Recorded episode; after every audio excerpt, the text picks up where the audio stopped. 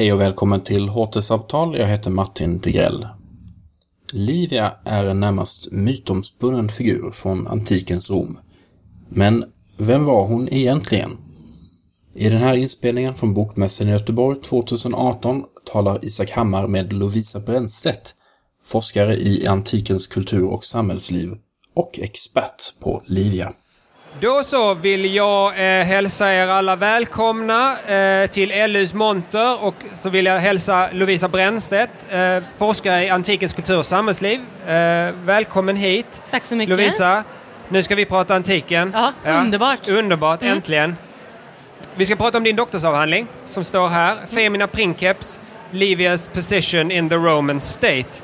Och jag tror helt enkelt att vi gör bäst i att eh, börja med att bena ut den här titeln lite så att eh, alla förstår vad det är vi, vi pratar om här. Alltså, vem är Livia och när levde hon? Go! Ja. Livia föddes 58 före Kristus och dog eh, 28 efter Kristus. Så att ungefär 2000 år tillbaka i tiden drar vi oss. Eh, du frågar om titeln. Mm. Femina Princeps valde jag att döpa avhandlingen till. Eh, det är egentligen en, inte en ordlek, men nästan. Det kommer från Augustus som var Roms första kejsare. Känd från Nya Testamentet som han som skulle skattskriva hela världen.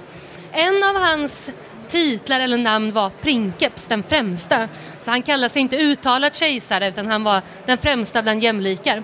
Och Livia kallades i flera olika sammanhang för Femina Princeps. Och det här blev lite utgångspunkten för mig när jag började skriva min avhandling för att förstå och begripsliggöra Livias position. För det är egentligen en kombination som inte är helt given. Femina, hör ni kanske, betyder kvinna på latin medan Princeps har de här starka härskartitelkonnotationerna. Så att para ihop just ordet för kvinna med titeln Princeps är ju spännande. Och hur kommer det sig att Livia kallades så?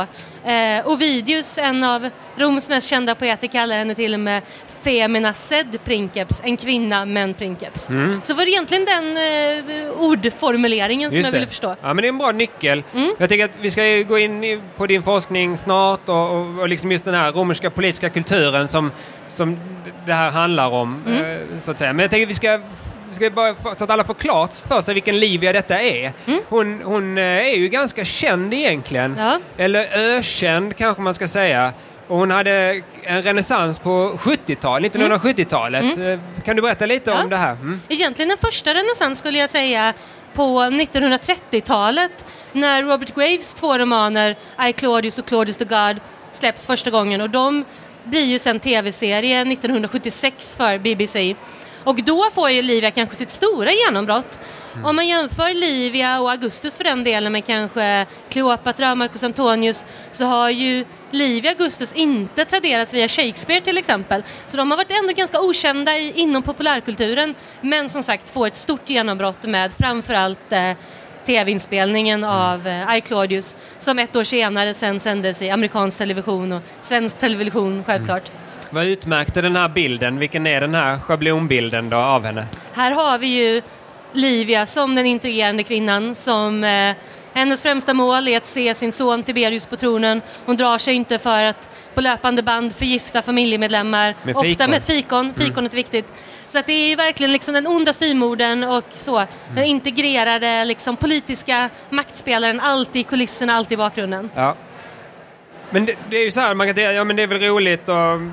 det, men även som forskare har ju du varit tvungen att förhålla dig Ja. till den här nidbilden, den här schablonen, stereotypen. Det, för det är faktiskt så att en del forskare idag har fortfarande ganska svårt att, frigöra sig från den och de skriver om detta och försöker svara på de här frågorna, eller hur? Ja, nej men det finns ju alltid en förväntan. Nästan alltid när jag pratar om Livia offentligt så kommer det alltid förr eller senare en fråga. Just om fikonen, hade hon verkligen ihjäl sina familjemedlemmar?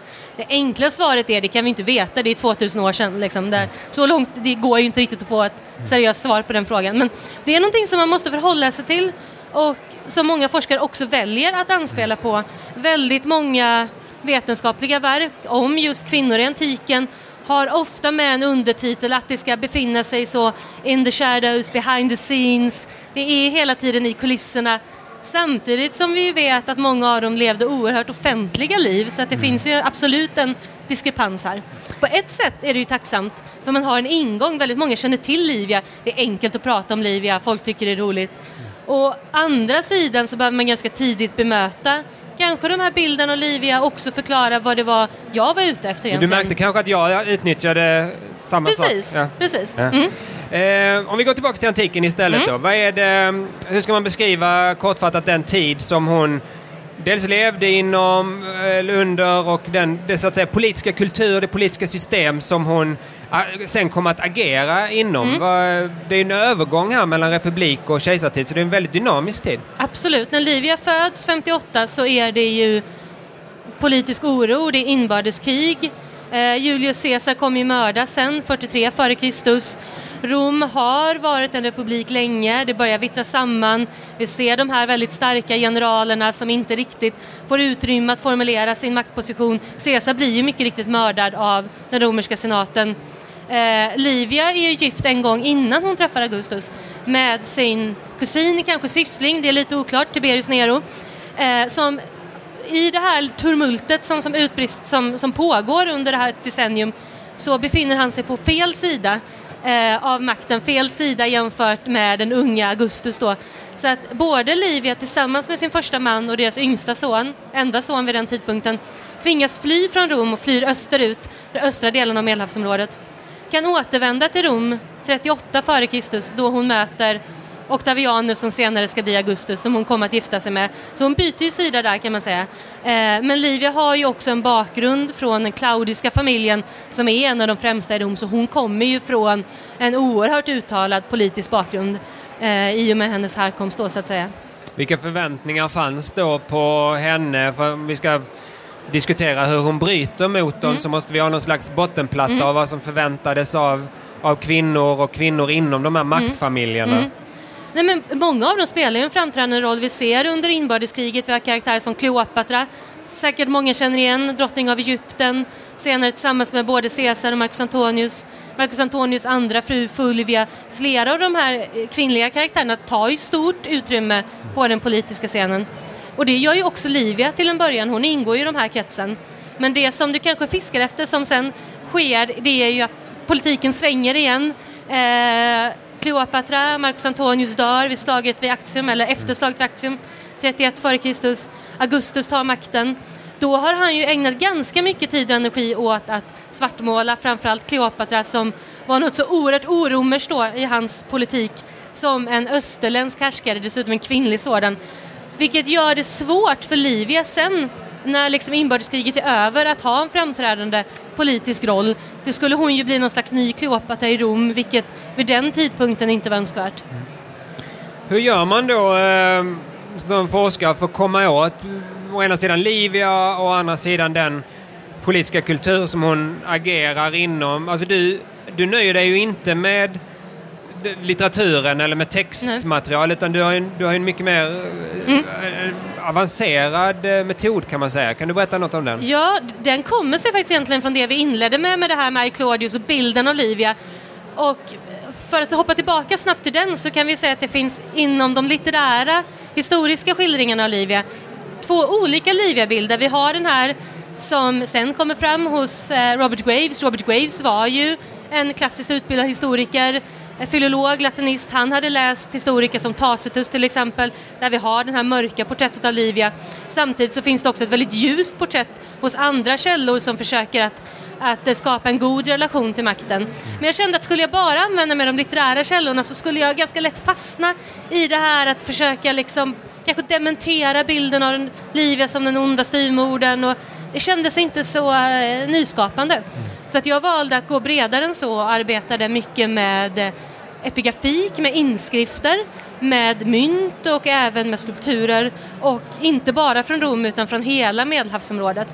Och det är ju spännande för den här perioden som vi precis pratar om nu när Livia så att säga efter inbördeskriget över försvinner in i skuggan i Rom, försvinner hon från vårt källmaterial så har vi en väldigt stark närvaro av Livia österut i det östra Medelhavsområdet. Där finns en helt annan förväntan på även kvinnliga regenter vid den här tidpunkten. Så tittar man då på inskriftsmaterial och på numismatiskt material, alltså från mynt från den öst, österut i Grekland och mindre Asien så ser vi att där förekommer Livia frekvent. Där är det många som vill associera sig med både henne och med Augustus. Du fokuserar ju specifikt också på, på hennes roller, att hon Mm. har olika roller. Och både det men också det här med vilka möjligheter hade hon till makt egentligen? Mm. Vilka var de politiska verktygen för en kvinna och hur utnyttjar då dem? Men, Ja, jag försökte bena ut det lite, för det är ganska typiskt om man, om man studerar en romersk kejsare så tittar man ofta kanske på kejsaren som general, kejsaren som präst, kejsarens olika roller och förväntningar på vilka roller kejsaren skulle spela så att säga. Och jag försökte göra samma sak med Livia och bryta ner hennes position på så sätt. Så att jag tittade på både henne i relation till en traditionell modersroll i Rom, på vilka sätt hon utnyttjade den. I, eh, med, med tiden så kom ju både hon och Augustus att vilja framställa sig som nästan, ursäkta, hela romarrikets familjeöverhuvuden så att säga med familjärt ansvar över hela riket och hur Livia kunde använda sig av det. Men även som patrona, som välgörare, välgörarinna, som en person som lät resa stora offentliga byggnader i staden Rom till exempel. Någonting som en klassiskt maktuttryck som, som romerska män och kvinnor för den delen har använt sig av länge. Men också en ny spännande roll såsom gudomlig. Det kommer ju in nu när, när kejsarmakten etableras så ser vi ju hur makten samlas i händerna på några få familjemedlemmar som, som besitter en makt som inte hade formulerats på riktigt samma sätt under den romerska republiken och som i sin tur väcker ett gensvar som gör att de betraktas mer eller mindre som gudomliga. Hur Livia använder det också som ett redskap. du beskriver ju och det här också att, att kvinnors möjlighet till makt eller liksom tillgång till makt var ju också kopplad till deras för, manliga förhållande, släktförhållande till deras söner, till deras män eller så här. Och, och det, det framstår ju som ganska passivt på något Mm. sätt eh, i enlighet med, med den eh, liksom, patriarkala diskursen och romerska samhället så som det ser ut. Samtidigt ser ju du henne som väldigt aktiv, Ja. som en aktiv eh, politiker. Mm. Eh, kan du förklara, kan du liksom Mm, utveckla mm. lite den här spänningen? Den är väldigt intressant. Mm. Jag tror, och det gäller inte bara kejsartid utan även om man studerar tidigare den romerska republiken, så tror jag att det är mer kanske fruktbart att tala om olika släkters politiska aktiviteter. Både kvinnor och män eh, ingår. På engelska finns det ett begrepp som kallas för genderlition pride som vi möter ganska mycket. Alltså släktens stolthet, släktens politiska ära. Och det har, har varit ett fruktbart sätt för mig att närma mig Livia. Sen kan vi ju se, apropå hennes relationer, att hon har en, en position och ett maktutrymme så att säga när Augustus är i livet. Augustus dör 14 efter Kristus. Då tar Livias son Tiberius över. Han är vid den tidpunkten frånskild. Han har ingen dotter, ingen syster, utan Livia är så att säga fortfarande det främsta kvinnliga eh, familjeöverhuvudet och representanten för den romerska makten. Och då får hon ju på, i den positionen ett mycket större handlingsutrymme. Nu ser vi hur ambassadörer vänder sig direkt till Livia. Hon mottar brev och önskemål från hela provinsen som ställs till henne. Hon avbildas på ett helt annat sätt. Hon avbildas som en tydligt uttalad representant för den romerska kejsarmakten.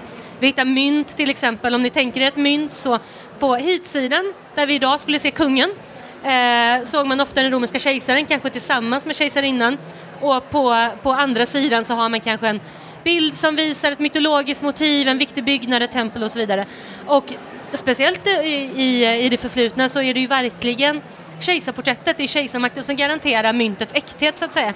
Och då ser vi mynt där Livia ensam representerar kejsarmakten då bara hennes porträtt är på, på ena sidan av myntet. Du har ju ett kronologiskt upplägg i Ja. den här avhandlingen också. Jag tänker, vad anser du var de, så att är de avgörande händelserna i hennes liv? Finns här liksom någon kumulativ, Mm, mm, jobbar hon mm. liksom sig framåt? Blir det mer och mer makt eller finns det avbrott? Böljar det hur du kan se hur den här hennes roll förändras och, och hennes maktutövning förändras? Jo men absolut, det, det är ju ganska, hon har en, så att säga, en, en synlig roll eh, fram till och med ja, ungefär 27 före Kristus då Augustus liksom är etablerad som ensam härskare. Eh, då försvinner Livia lite in i skuggan, hon ska inte vara den här nya Kleopatra. Är frånvarande i källmaterialet från Rom i nästan två decennier, även om hon syns österut. Sedan så gör hon kommer hon tillbaka på den politiska scenen kan man säga. Då har Augustus omformulerat sin politik som går mycket mer åt den här fridsförsten, landsfadern. Det är svårt att vara landsfader utan en landsmoder så att säga. Så att här gör Livia entré igen. Och sen skulle jag säga den stora vattendelaren, brytpunkten, det är ju när Augustus dör. Då Livia dessutom ärver hans härskartitel Augustus och faktiskt byter namn. Så att helt plötsligt går hon från att vara Livia till att vara Augusta, till att faktiskt innebära den här som är en blandning mellan ett, ett namn och en titel. Du poängterar ju på många sätt alltså de här, hennes möjlighet att överskrida de här gränserna. Mm. Det är liksom ett återkommande i din avhandling mellan hemmets sfär, offentliga Mm. sfären, mellan manligt och kvinnligt. Och sen då blir det ju också den här liksom, fundamentala gränsöverdragningen, Mm. när hon, gränsöverskridandet när hon går från att vara liksom, mänsklig till gudomlig. Och kan du berätta något Ja. om det? Vad fick det för konsekvenser sen liksom efter Livia Mm. för, för andra härskarkvinnor då så att säga? Man kan bara för att eh, på oerhört snabbt eh, förklara fenomenet härskarkult. Det är ju vanligt. Östra medelhavsområdet smyger sig in till Rom, som jag sa, när, när vi har personer som också har ett ökat så att säga, maktanspråk. Säg till exempel Isak att jag skulle vilja dedikera en skulptur av dig som skulle stå här i montern. Ja. Det skulle ju vara en ärofyllt för dig. Ja, visst. Eh, Men om jag skulle vilja markera att det är ännu större statusskillnad mellan oss två, du är så mycket högre än vad jag är i status, du är ju också kejsare, då kanske jag kan markera det exempelvis genom att dedikera en skulptur av dig som gudomlig. Till den gudomlige Isak. Ja, jag lyssnar. Jag Ja, lyssnar. ja, du är nöjd, du är nöjd. Eh, Det är ju fortfarande eh, samma typ av ärobetygelse, bara liksom att jag uttrycker ett större status mellanrum, status eh, så, gap mellan oss. Det hände ju också under antiken. I takt med att Livias status ökar så blir hon i högre utsträckning eh, betraktad som gudomlig. Och det kan ju på ett sätt är det ju gränsöverskridande men det kan, tror jag också kan ha varit ett sätt som faktiskt underlättade andra människor att ta till sig hennes så, maktposition. Klart att det fanns också konservativa röster i Rom som absolut var emot både en ökad kejsarmakt och att en kvinna dessutom helt plötsligt kunde göra maktanspråk som bara skulle tillhöra kanske manliga medlemmar av senaten till exempel. Men samtidigt har vi i Rom också en tradition av kvinnliga gudomar till exempel. Så att betrakta Livia som gudomlig kanske till och med underlättade eh, just när, när hon eh, ja, höll på med det här mer gränsöverskridande politiska spelet. Lovisa, tusen tack för att du ville komma hit och prata antiken med mig. Tack så mycket. Lovisa Brännstedt.